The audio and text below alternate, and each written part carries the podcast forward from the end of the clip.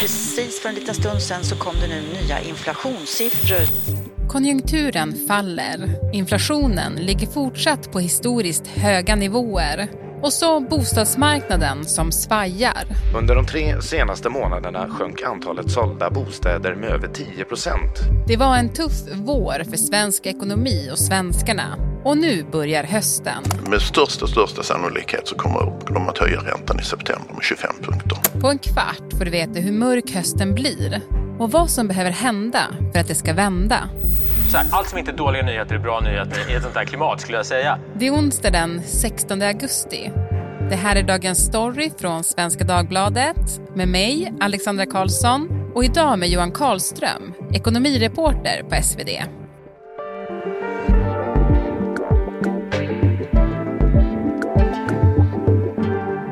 Johan, eh, var du utomlands i sommar? Ja, jag var faktiskt det. Jag brukar hålla mig i Skandinavien på somrarna men i år stack vi ner till eh, franska rivieran. Oj, oj, oj. Dyrt måste det ha varit. ja, jag var lite rädd för det faktiskt. Jag tänkte jag har valt helt fel år, men när man var inne i mataffärer och sånt där så tyckte jag inte det kändes sådär överväldigande dyrt. Så jag var positivt överraskad måste jag säga. Mm. Du, skönt också att ha fått lite sol i sinne när vi går in i en mörk höst. Ja, faktiskt. Det har inte varit så bra sedan man kom hem, men, eh, men absolut. Mm.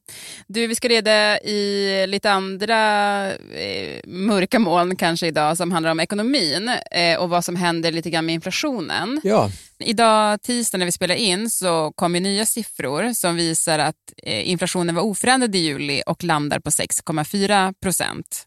Vad betyder det här beskedet? Det är väl ungefär som väntat får man väl säga att det här beskedet var. Det går långsamt men trenden är ändå nedåt. Det, det kunde varit värre om man säger så. Ja, Okej, okay. så det ska man ändå ta med sig? Ja, nej, men alltså, det finns ju alltid risker för att det inte går så som man hoppas och eh, här har vi väl ändå liksom varit ungefär som väntat. Då. Mm. Men en sak som jag undrar det är ju varför vänder inte inflationen neråt?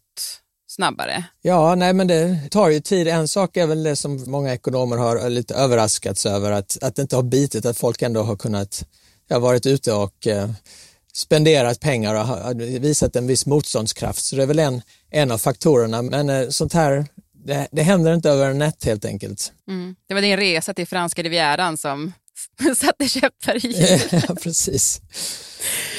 Du, som du var inne på, eh, lite grann där, så, så, har ju flera ekonomer, de har ju liksom överraskats av, av att de här räntehöjningarna bland annat inte bitit mer än vad de ändå har gjort.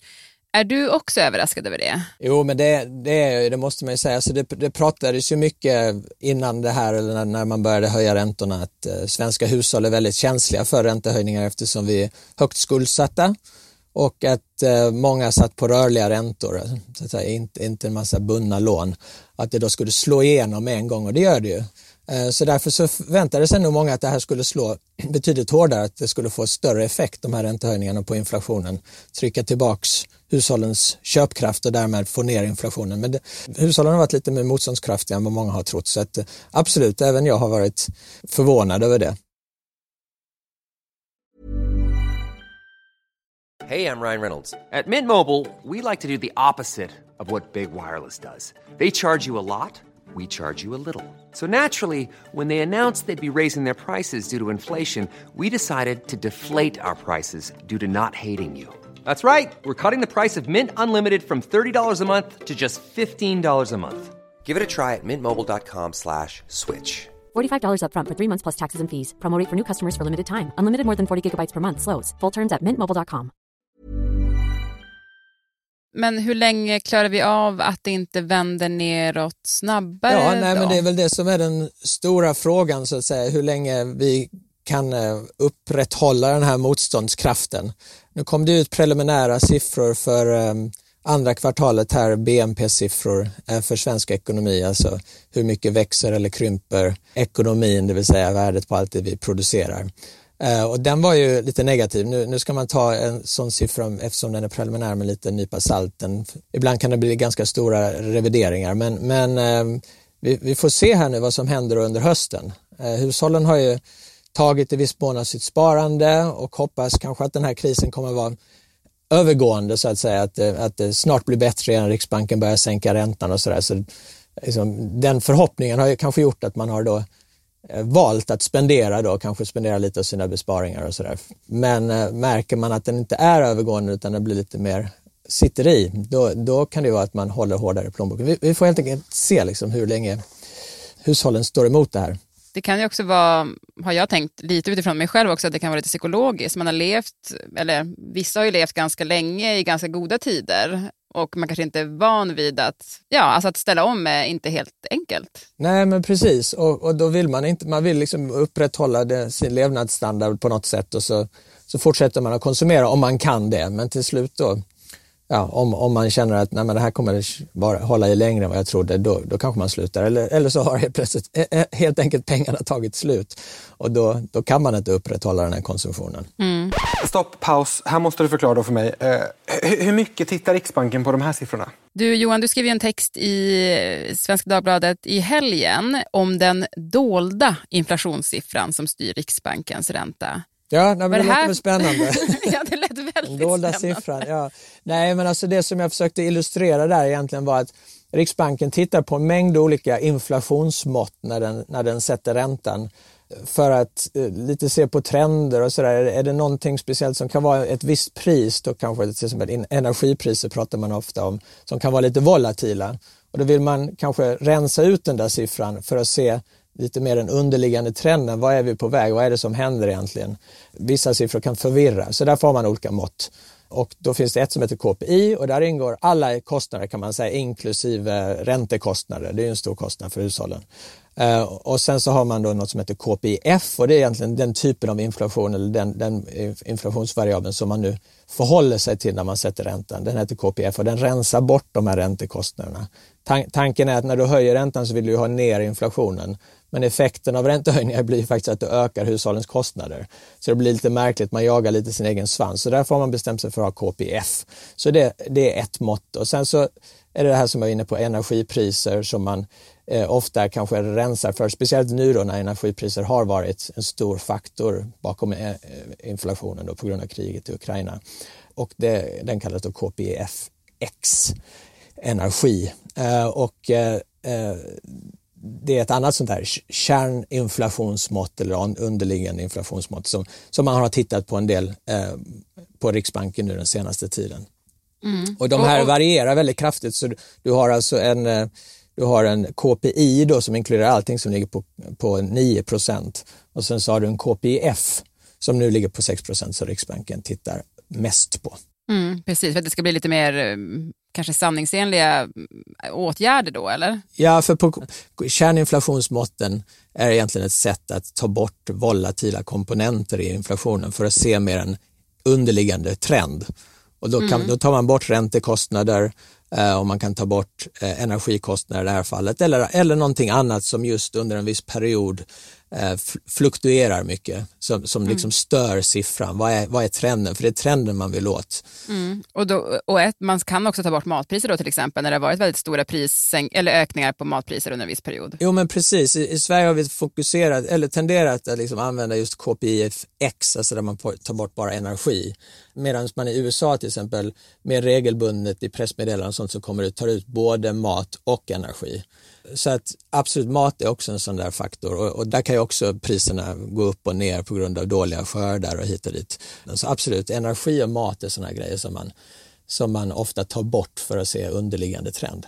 Men mm. även räntekostnader då, som jag förklarade i Sverige. Mm. Men hur bra träffar de här måtten då? Nej, men de, eh, då, det finns alltid en osäkerhet på flera tiondelar upp och ner så att säga för att du, man, man kan inte mäta alla priser i ekonomin. Så att det är en osäker siffra, det ska man ha med sig. Speciellt kanske när inflationen är låg. Är den 1,6 procent enligt den officiella siffran så kanske den i verkligheten faktiskt kan vara 2 eller 2,1 så då kanske man inte ska fokusera så mycket på tiondelarna. Nu när inflationen är väldigt hög då spelar det där mindre roll för nu är det så tydligt att den är hög. Om den är 7,5 eller 7,9 eller 7,1 är verkligen den, det är på något sätt oväsentligt. Vi vet att vi måste höja räntan för att få ner inflationen. Så att eh, man ska på ett sätt ta, ta inflation, veta att det inte är en exakt vetenskap, vi, vi mäter inte allting. Tidigare fick ju Riksbanken mycket kritik för att de fokuserade för mycket just på tiondelarna, en tiondel hit, en tiondel dit. Eh, det tror jag är en läxa kanske som Riksbanken och andra har, har lärt sig nu. Ja, vad är det för bild som Konjunkturinstitutet ger nu över hur svensk ekonomi mår? Du, som du var inne på lite tidigare så, så kom ju också i förra veckan en konjunkturprognos och du skrev om den i Svenska Dagbladet. Om du skulle sammanfatta den, vad, vad säger du? Ja, nej men alltså den, den eh, bilden från, de gör ju, just Konjunkturinstitutet och alla storbolag, det är många som gör prognoser och just Konjunkturinstitutet gör ju då regelbundet prognoser och den gamla prognosen då från juni, juni då, där det är bara knappt två månader gammal, men, men den stod sig i det stora hela och, och, bilden är ju egentligen det att, att svensk ekonomi kommer att krympa i år, det vill säga vi kommer att, Sverige kommer att producera mindre varor, färre varor och tjänster än vad vi gjorde året innan och det är ovanligt för det, ja, men det händer egentligen bara när det är kris kan man säga. Annars brukar ekonomin växa hela tiden varje år. Eh, det, alltså, så, så förra gången det, ekonomin krympte ett helt för ett helåret så att säga. Det var coronakrisen och globala finanskrisen för 10-15 år sedan. Alltså, eh, den typen. Så, så det är ju anmärkningsvärt på ett sätt. Och det krymper ungefär med en procent. Det är ju inte jättemycket men ändå. Men då är frågan, eh, ska vi, hur påverkar det oss människor så att säga? Och, och då är egentligen svaret inte jätte, jättemycket. Arbetslösheten kommer att öka, stiga lite enligt prognoserna. Så vi pratar kanske om en 40-50 000 fler människor som är arbetslösa. Um, Eh, så det är klart att det drabbar enskilda men i det stora hela inte en jätte, jättenegativt.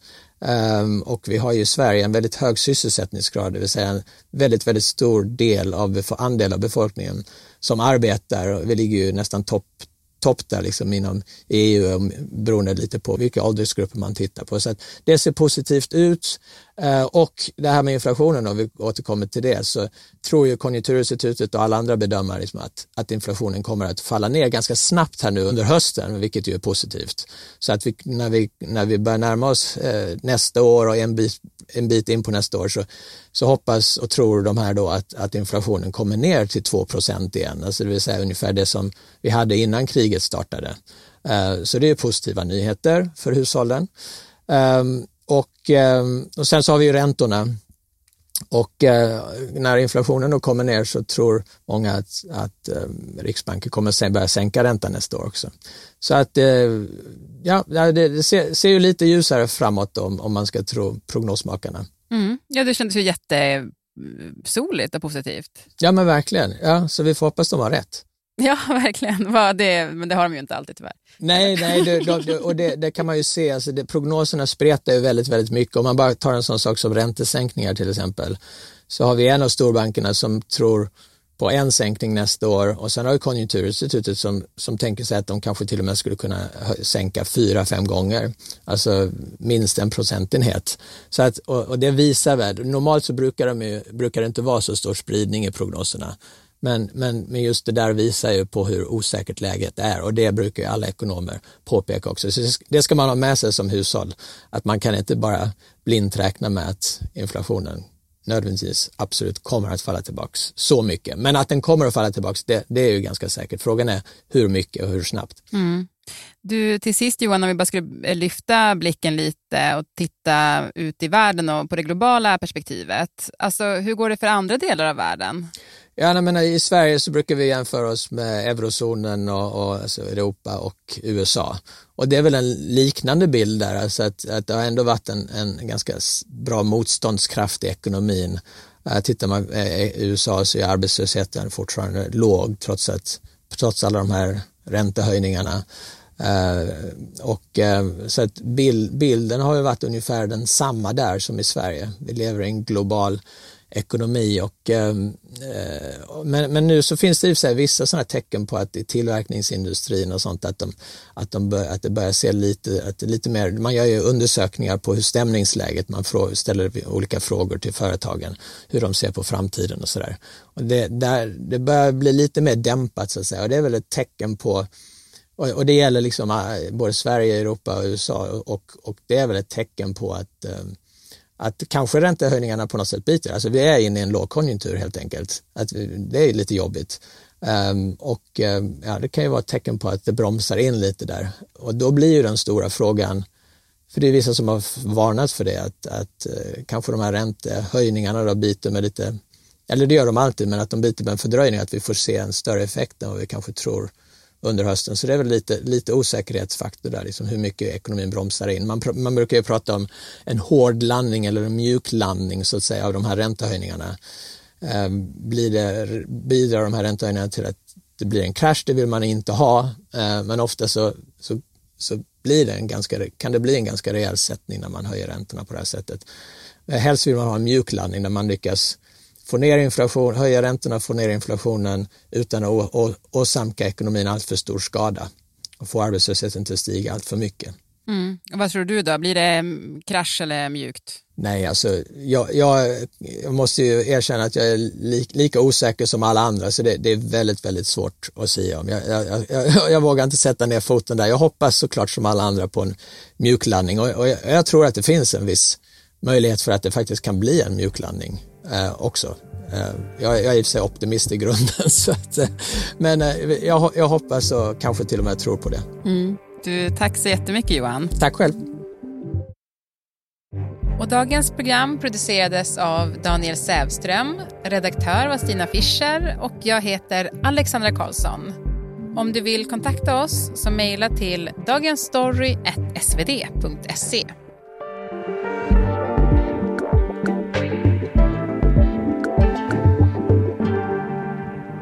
Och klippen i programmet kom från Sveriges Radio och SVT.